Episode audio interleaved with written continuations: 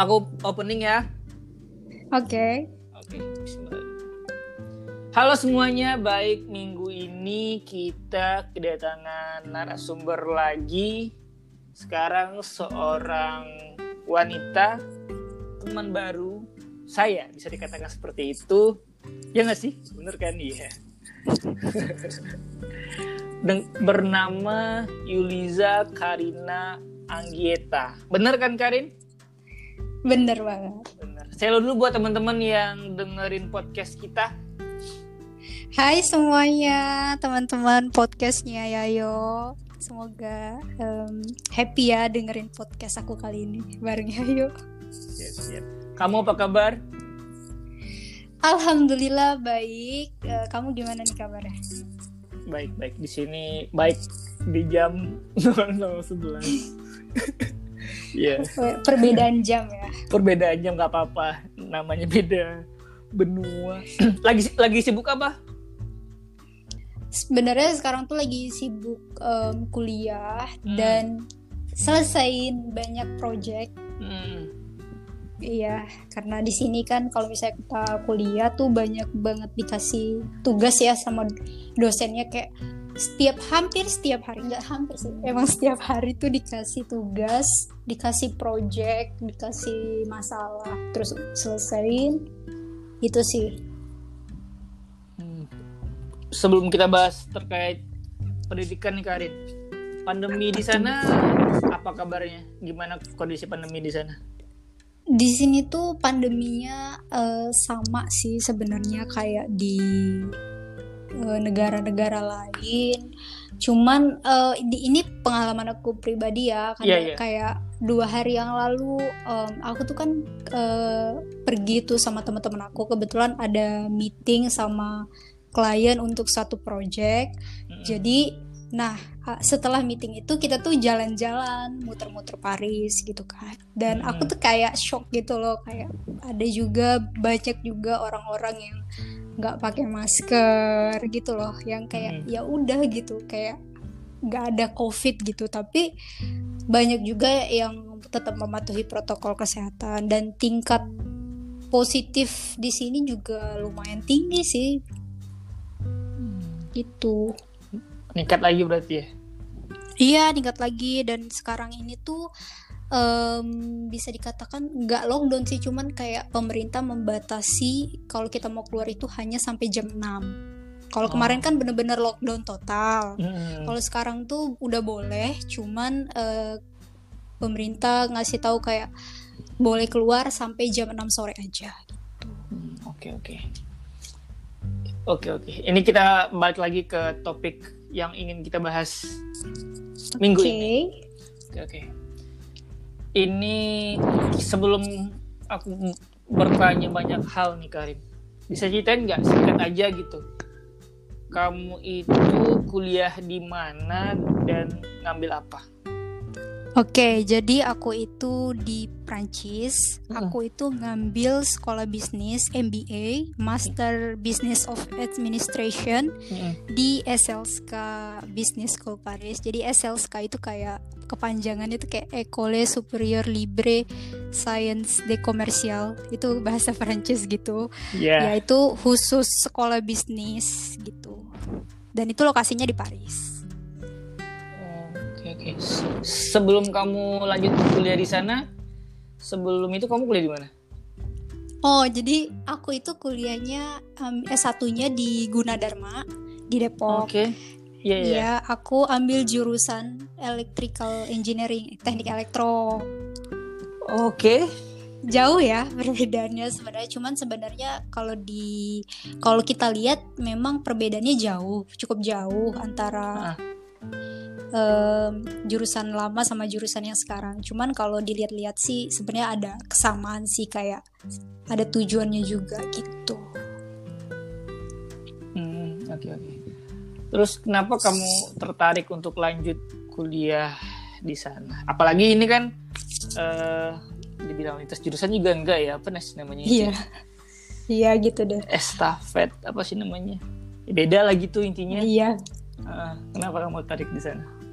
Oke, jadi em, secara umum ya memang dari dulu dari dulu banget aku tuh emang pengen banget kuliah di luar negeri ya.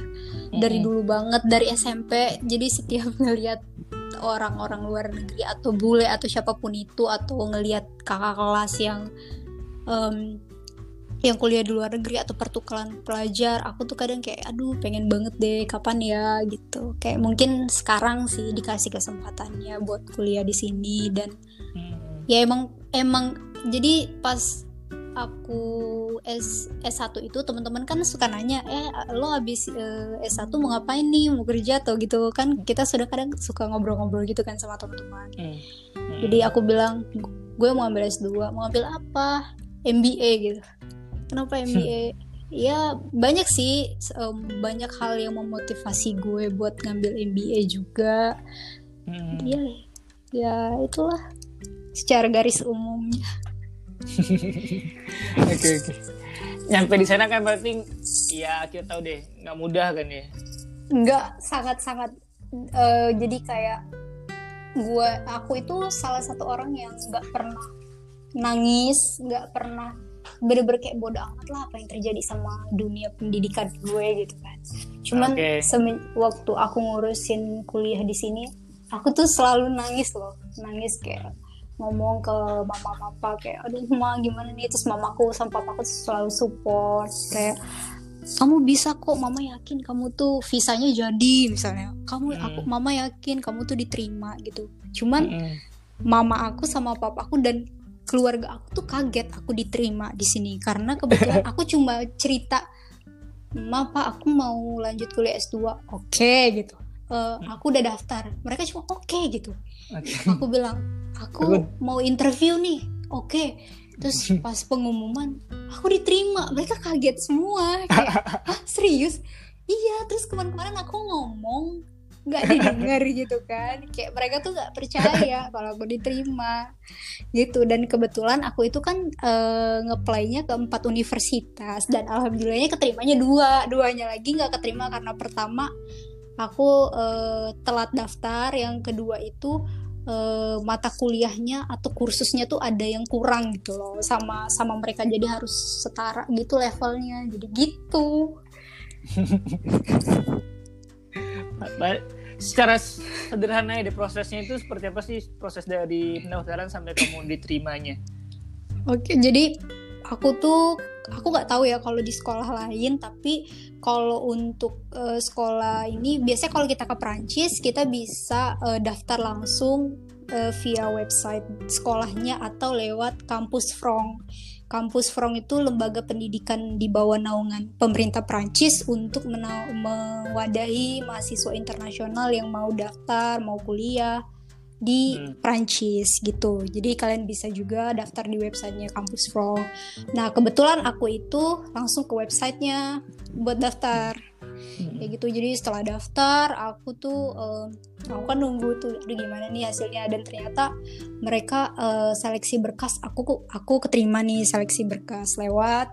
Terus ternyata ada tes nih buat ada beberapa tes eh, buat aku karena aku MBA kan Mm-mm. salah satunya harus bikin kayak video conference gitu loh kayak terus interview kayak sebenarnya ini tuh bukan ranah aku banget cuman aku Iya. tuh kayak iya tau lah kar- karena di MBA ini kita pun ditanya dunia bisnis ditanya benar. tentang hubungan bisnis dan politik dan Hmm, politik itu bukan aku banget sebenarnya cuman aku kayak oke aku coba untuk ngejelasin apa yang aku tahu dan Hmm. oke dan ternyata mereka kalau aku bisa bilang ternyata mereka itu juga nggak hanya lihat pendidik latar belakang pendidikan atau gimana mereka juga lihat personality kamu di saat wawancara atau video konferensi Mm-mm.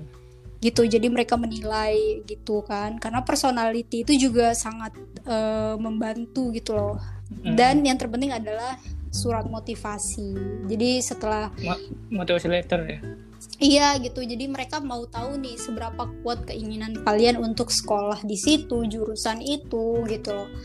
Jadi itu sih yang penting dan ya setelah itu ternyata lolos dan oke pengumuman ya alhamdulillah sih lolos. Jadi Hmm. ya gitu. Pro- eh, prosesnya itu berapa lama sih Karin? Jadi aku Oh, nih iya. jujur ya, aku itu kan lulusnya Maret kemarin ya, Maret 2020. Aku langsung cari-cari, tapi karena ada kendala karena COVID kan, jadi kayak administrasi di kampus itu terkendala ya. Iya, jadi iya. aku itu baru bener-bener banget daftar kampus itu bulan-bulan Agustus Oktober. Itu Hmm, super mepet ya, super mepet. Jadi bisa dihitung aku daftar sampai lulus dan aku akhirnya sampai ke Prancis itu bisa dibilang sebulan setengah sebulanan lah. Itu bener-bener mepet loh. Dan orang biasanya kan kalau eh, nyiapin kan bisa berbulan-bulan ya kayak tiga bulan Iya. aku tuh kayak Ah. entah kenapa aku beruntung banget dan aku kayak ya ampun kayak alhamdulillah gitu mungkin kemarin-kemarin disusahin dan ternyata sekarang aku dipermudah gitu. Teman aku yang kuliah di mana ya?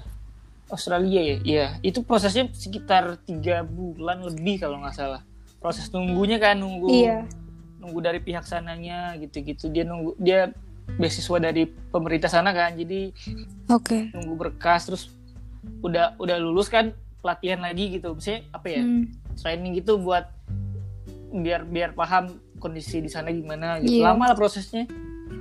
Kamu iya memang sih cuman aku tuh aku ngerasa kayak hoki aja gitu kayak bisa dibilang ya oke lah dua bulan gitu aku bisa bisa nyiapin semuanya bisa tapi kalau untuk nyiapin berkas aku udah nyiapin berkas itu dari Juli atau Juni gitu. Aku udah nyiapin itu sih. Berkas yang di, dipersiapkannya itu apa aja kalau buat Kayak- teman-teman yang mau mungkin?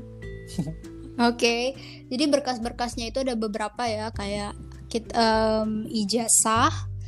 Transkrip, em, atau misalnya kalian punya sertifikat, entah sertifikat eh, pernah jadi asisten, pernah apa pun yang mendukung itu boleh banget. Tapi kamu harus terjemahin dulu pa- pakai bahasa Inggris atau bahasa Prancis kalau belum ada terjemahannya.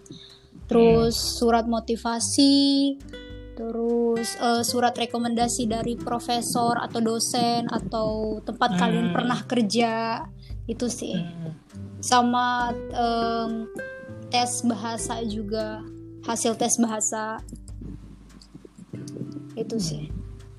Sebahasanya kamu kamu pasti gitu bahasa Prancis. Enggak sih kalau di sini aku itu kebetulan kuliahnya tuh pakai bahasa Inggris tapi aku juga ada matkul bahasa Prancis gitu. Jadi aku tuh lebih kayak apa ya kalau bahasa Prancis itu lebih kayak mata kuliah aja sih bukan bukan keseharian kayak bahasa Ah. Inggris. Cuman ya memang aku juga pengen ngambil kursus juga bahasa Perancis biar lebih Hmm. gampang interaksi sih sama orang-orang sekitar.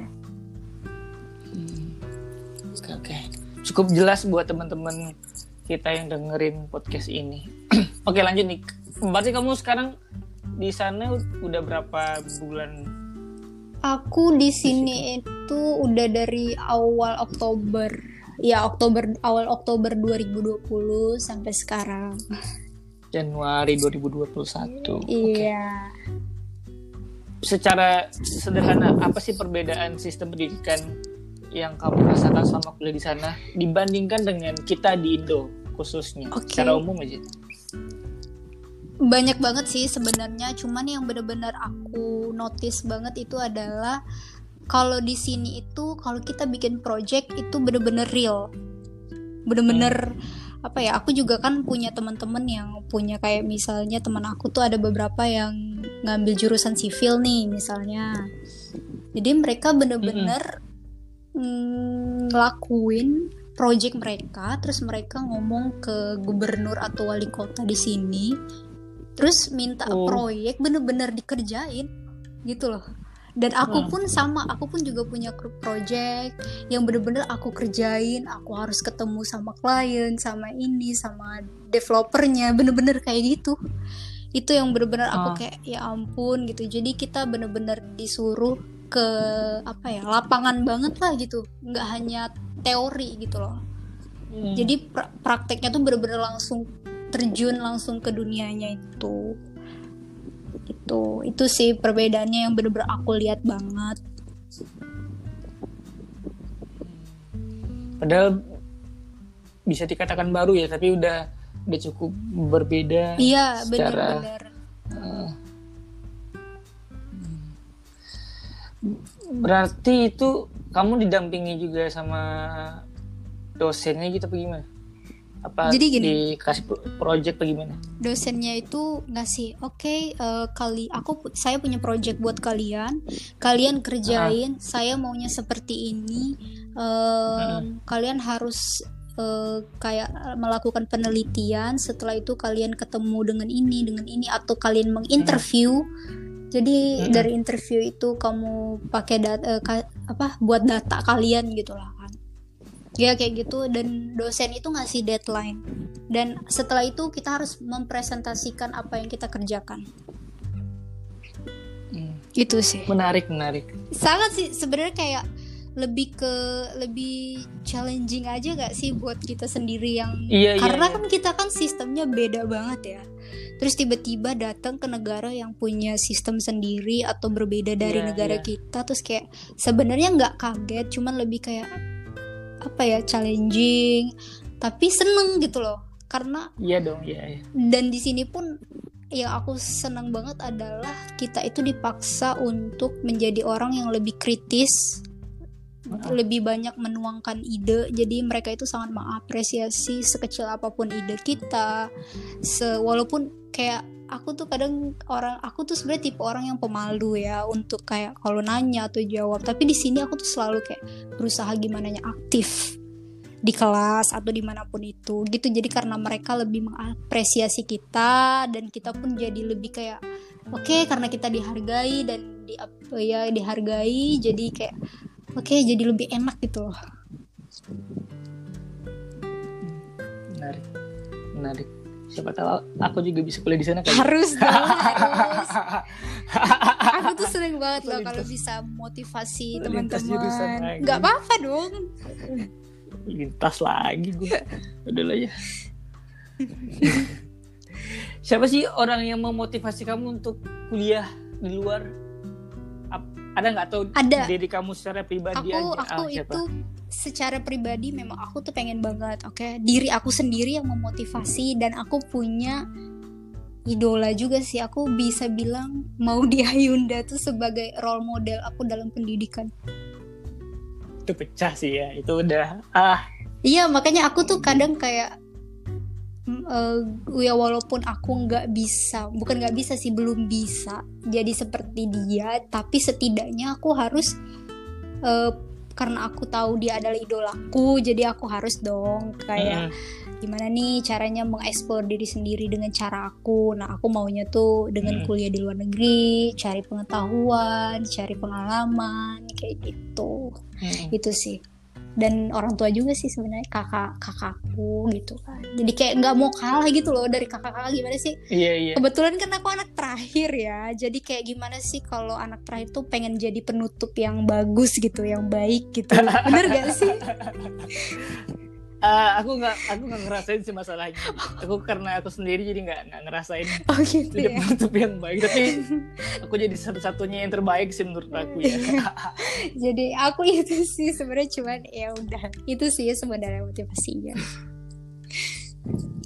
Kamu jadi versi bukan kamu bukan jadi versi mau dia terbaik tapi kamu jadi versi Karina terbaik iya gitu sih dari masyarakat jadi- ini Iya, pengen jadi versi dari diri sendiri aja gitu yang terbaik gitu Ah, ah. dengan punya role model seperti ini gitu.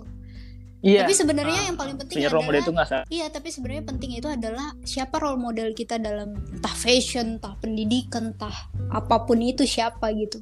Mm. Itu sih yang aku kayak oke, ternyata role model kita itu sebenarnya penting sih untuk menginspirasi kita jadi seperti apa, mem- memotivasi kita jadi seperti apa gitu. oke oke. Next nih Kar eh Kar aku jadi kok kok gue kayak akrab kali Gak apa-apa dong, kan kita temen. ya. Udah. Oh iya sih bener. Tapi kayak ya Kar ya oke Kar Wah, pasti dong. Ya perbedaan culture dan sebagainya gitu kan nggak di sana nggak nggak mungkin ada dong orang yang tiba-tiba ngamen aku disayang sekarang Nggak kan ada. kan ya jokesnya masuk nggak ya? Ya udah nggak apa-apa. Tapi gue ketawa loh. nggak apa-apa. Podcast ini kita Iya, kayak ngobrol santai aja. Kayak temen kan ya. Kalau serius mulu Gak kan enak nggak- ya, jadi harus Kan ada nggak enak kayak juga. ya recehnya gak Iya. apa-apa sih sebenarnya. Receh, ya nggak apa-apa. Iya, apalagi di Gundar di Depok kan ya. Depan itu sebelahnya ada orang jual apa ya? Jual Iya, dimsum ya? Apa sih? Bener bener bener nggak bener. salah. Heeh. Dimsum bambu Iya. kan jadi promote. ah di Semampu. Heeh. Depannya ada mall Iya, kaki doang iya benar benar. gitu. Heeh. Cara kamu ya kamu lagi deh nggak apa-apa biar kita sopan. Ah tidak ya udahlah. Cara kamu beradaptasi gimana sih? Kar di sana ke budak kan ya apalagi aspek di luar bahasa di aspek Kalau lain gitu. untuk Kalau culture alhamdulillah shock sih tuh? enggak. Alhamdulillah tapi ya mungkin karena gini loh. Aku itu tipikal orang yang apa ya berusaha untuk open minded. Ya walaupun kadang aku juga nggak open minded ya.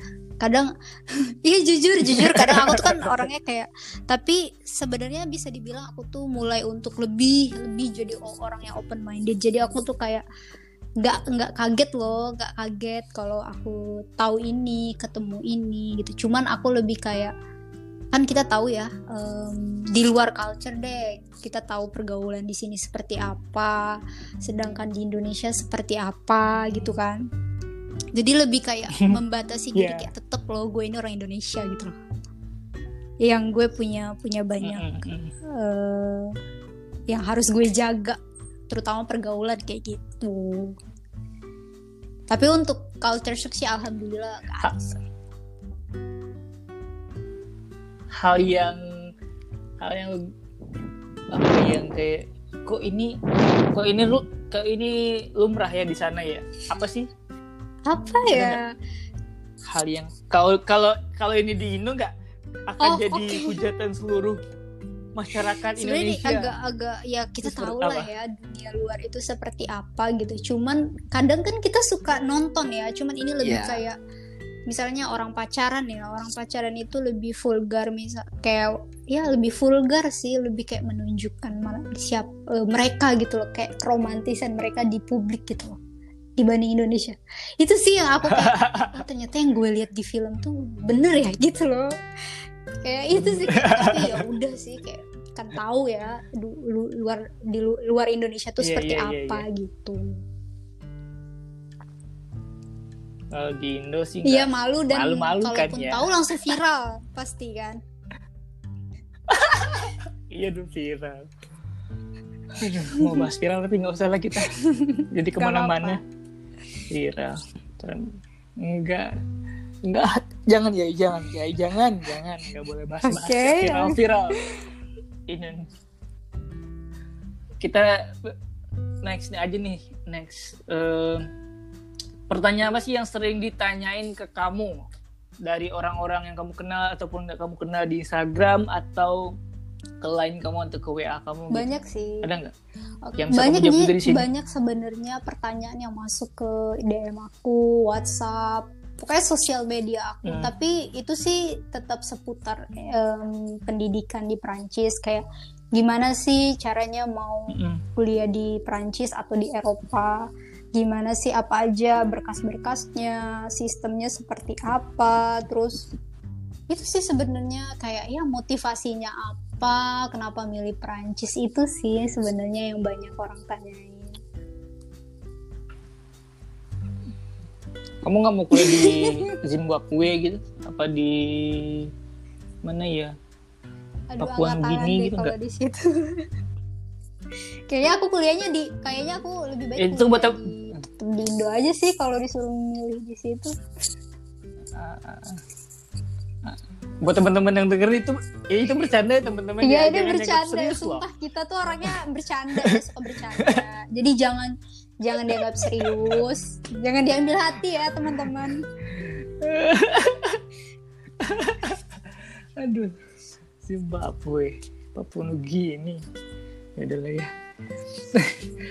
Kamu ada pesan nggak buat teman-teman yang mau lanjut studi ke Prancis Ada banget. Oke, jadi em, buat teman-teman yang ada di Indonesia atau di mana pun kalian berada, kalian jangan takut kalau kalian mau lanjut pendidikan entah ke Prancis atau ke negara mana pun itu atau mungkin tetap di Indonesia. Kalian jangan pernah takut em, tunjukin kalau kalian itu memang layak untuk lanjut ke pendidikan dan nggak apa-apa sih sebenarnya kalian juga punya pilihan bagaimana cara mengeksplor diri kalian sendiri gitu. Tapi pokoknya jangan pernah menyerah untuk menggapai apa yang kalian mau termasuk pendidikan.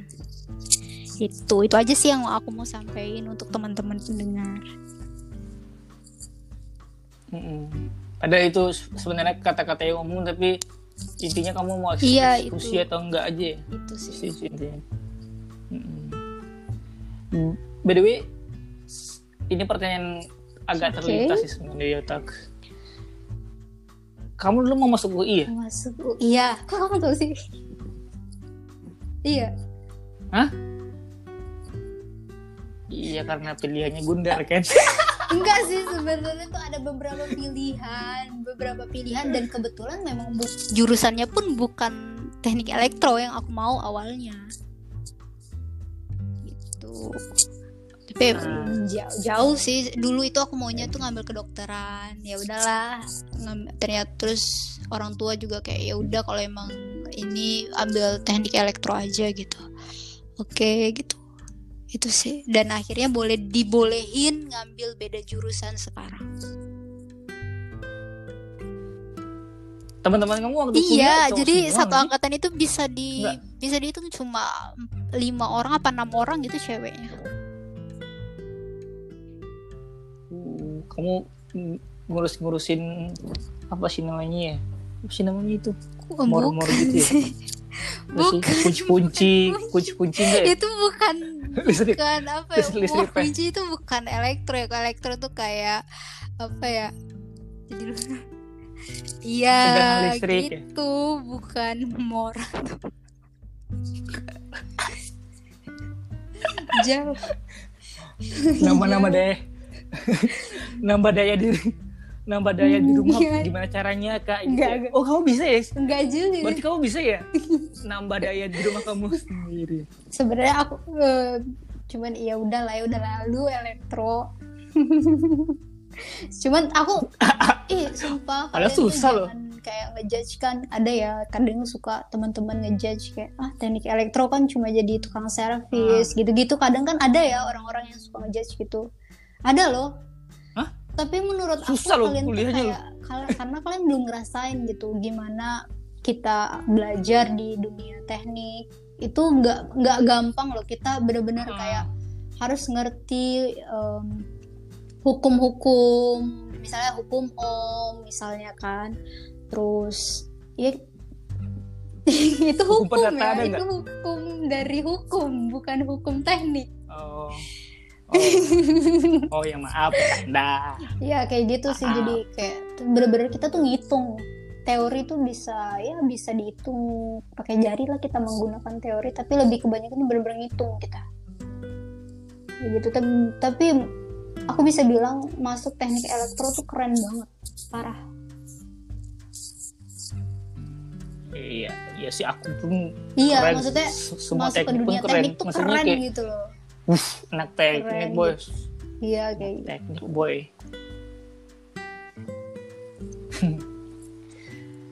teknik Eh, bisa jadi loh, bisa. Apa?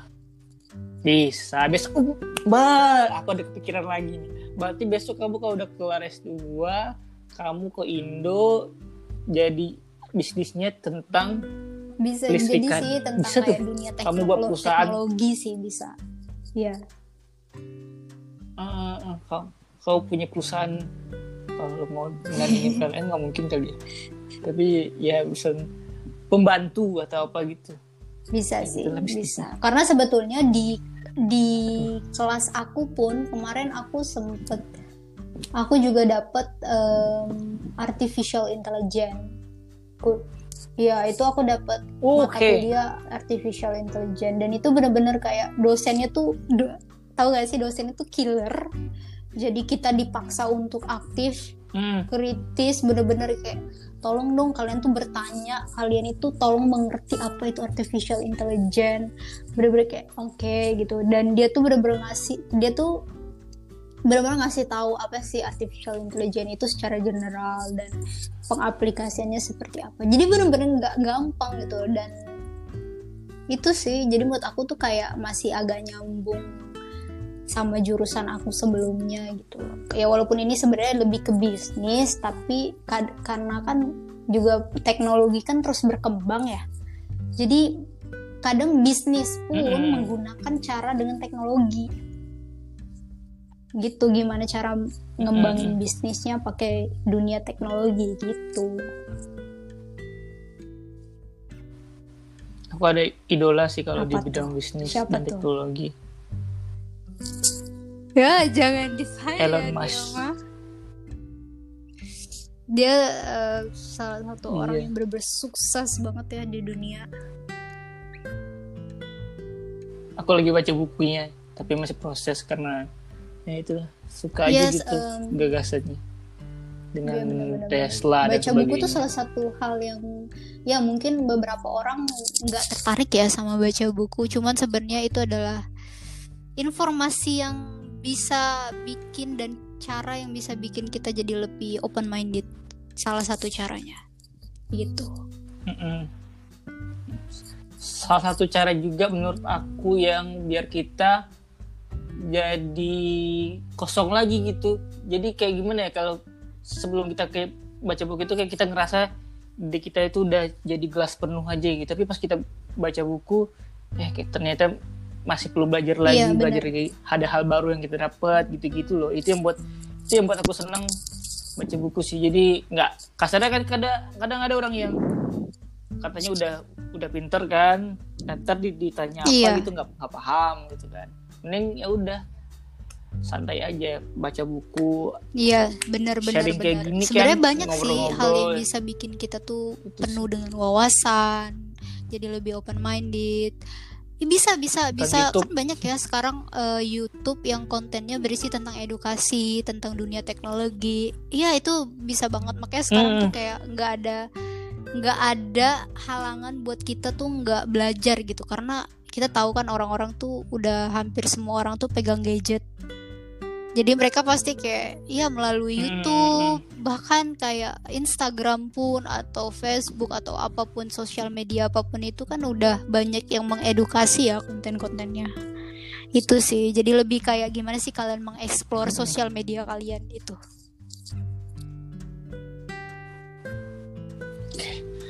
aku udah stop ngelor ngidur di car Is, sebelum kita ke closing statement ada hal yang mau kamu tanyain nggak ke aku apa ya aku mm, nggak pengen bertanya sih sebenarnya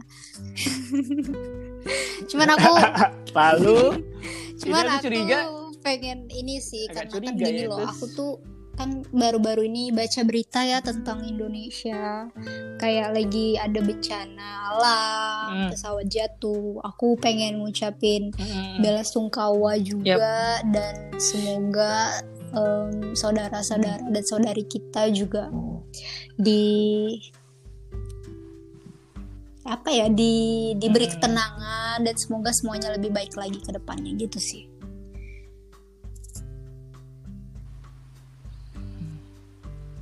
Apa tapi ya? nggak ada yang kamu tanyain gitu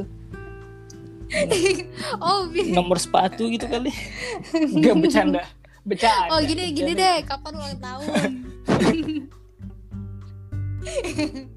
Wah, pertanyaan apa itu? Ulang tahun 5 aku Oh, 5 Agustus dijawab ya. 1997. iya kan bertanya kan, kamu Aku kapan emang 4 lebih Juli tua siapa sih sebenarnya sekarang? 97. Ah. Kakak ya. Mbak panggil kakak. Kakak, oke. Oke, boleh ya Juli kan? kadonya dikirim ke sini. Mahalan ongkir ya. Sulit ya. Wah, malam ongkir ya. Itu aku pakai eh nggak mau sebut brand pakai aplikasi itu. Aplikasi males kali ya. Jauh bang katanya. Seru ya jauhan podcastnya. bos. Iya padahal iya padahal ini mungkin obrolan kita pertama dan panjang cukup nyambung Iya, kali ya. Dan Itu semoga pendengarnya sebenarnya- juga happy ya dengan podcast kita kali ini.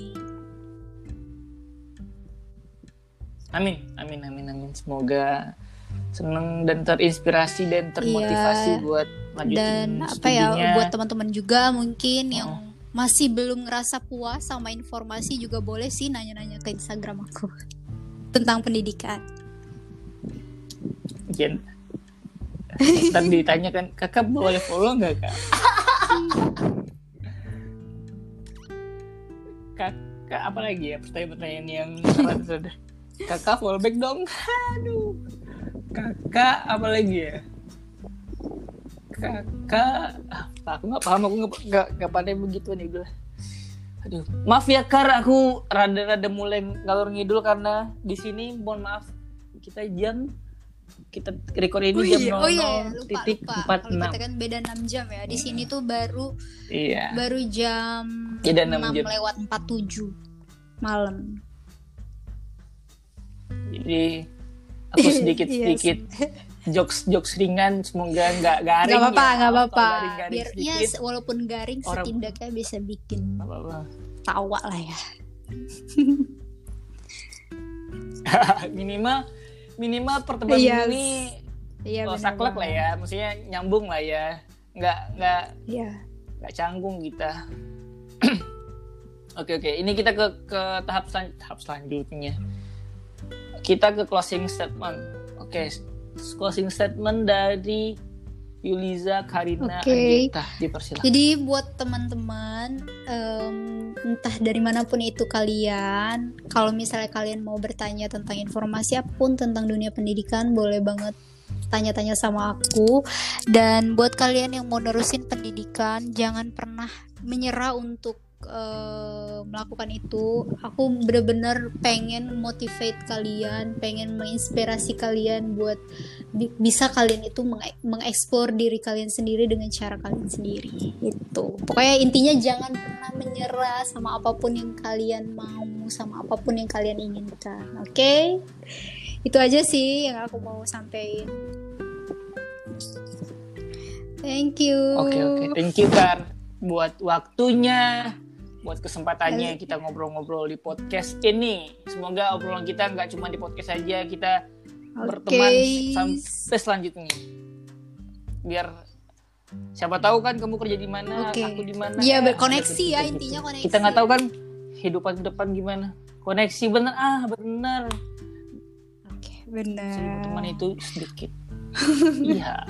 Oke, Tepat, kamu juga semoga segini, sukses ya, ya, podcastnya. Semoga banyak juga yang dengerin karena Amin, aku amin, tahu amin, podcast kamu tuh juga sangat mengedukasi sih Amin, sebenarnya. Jadi buat teman-teman please banget dengerin podcastnya dari Ayo.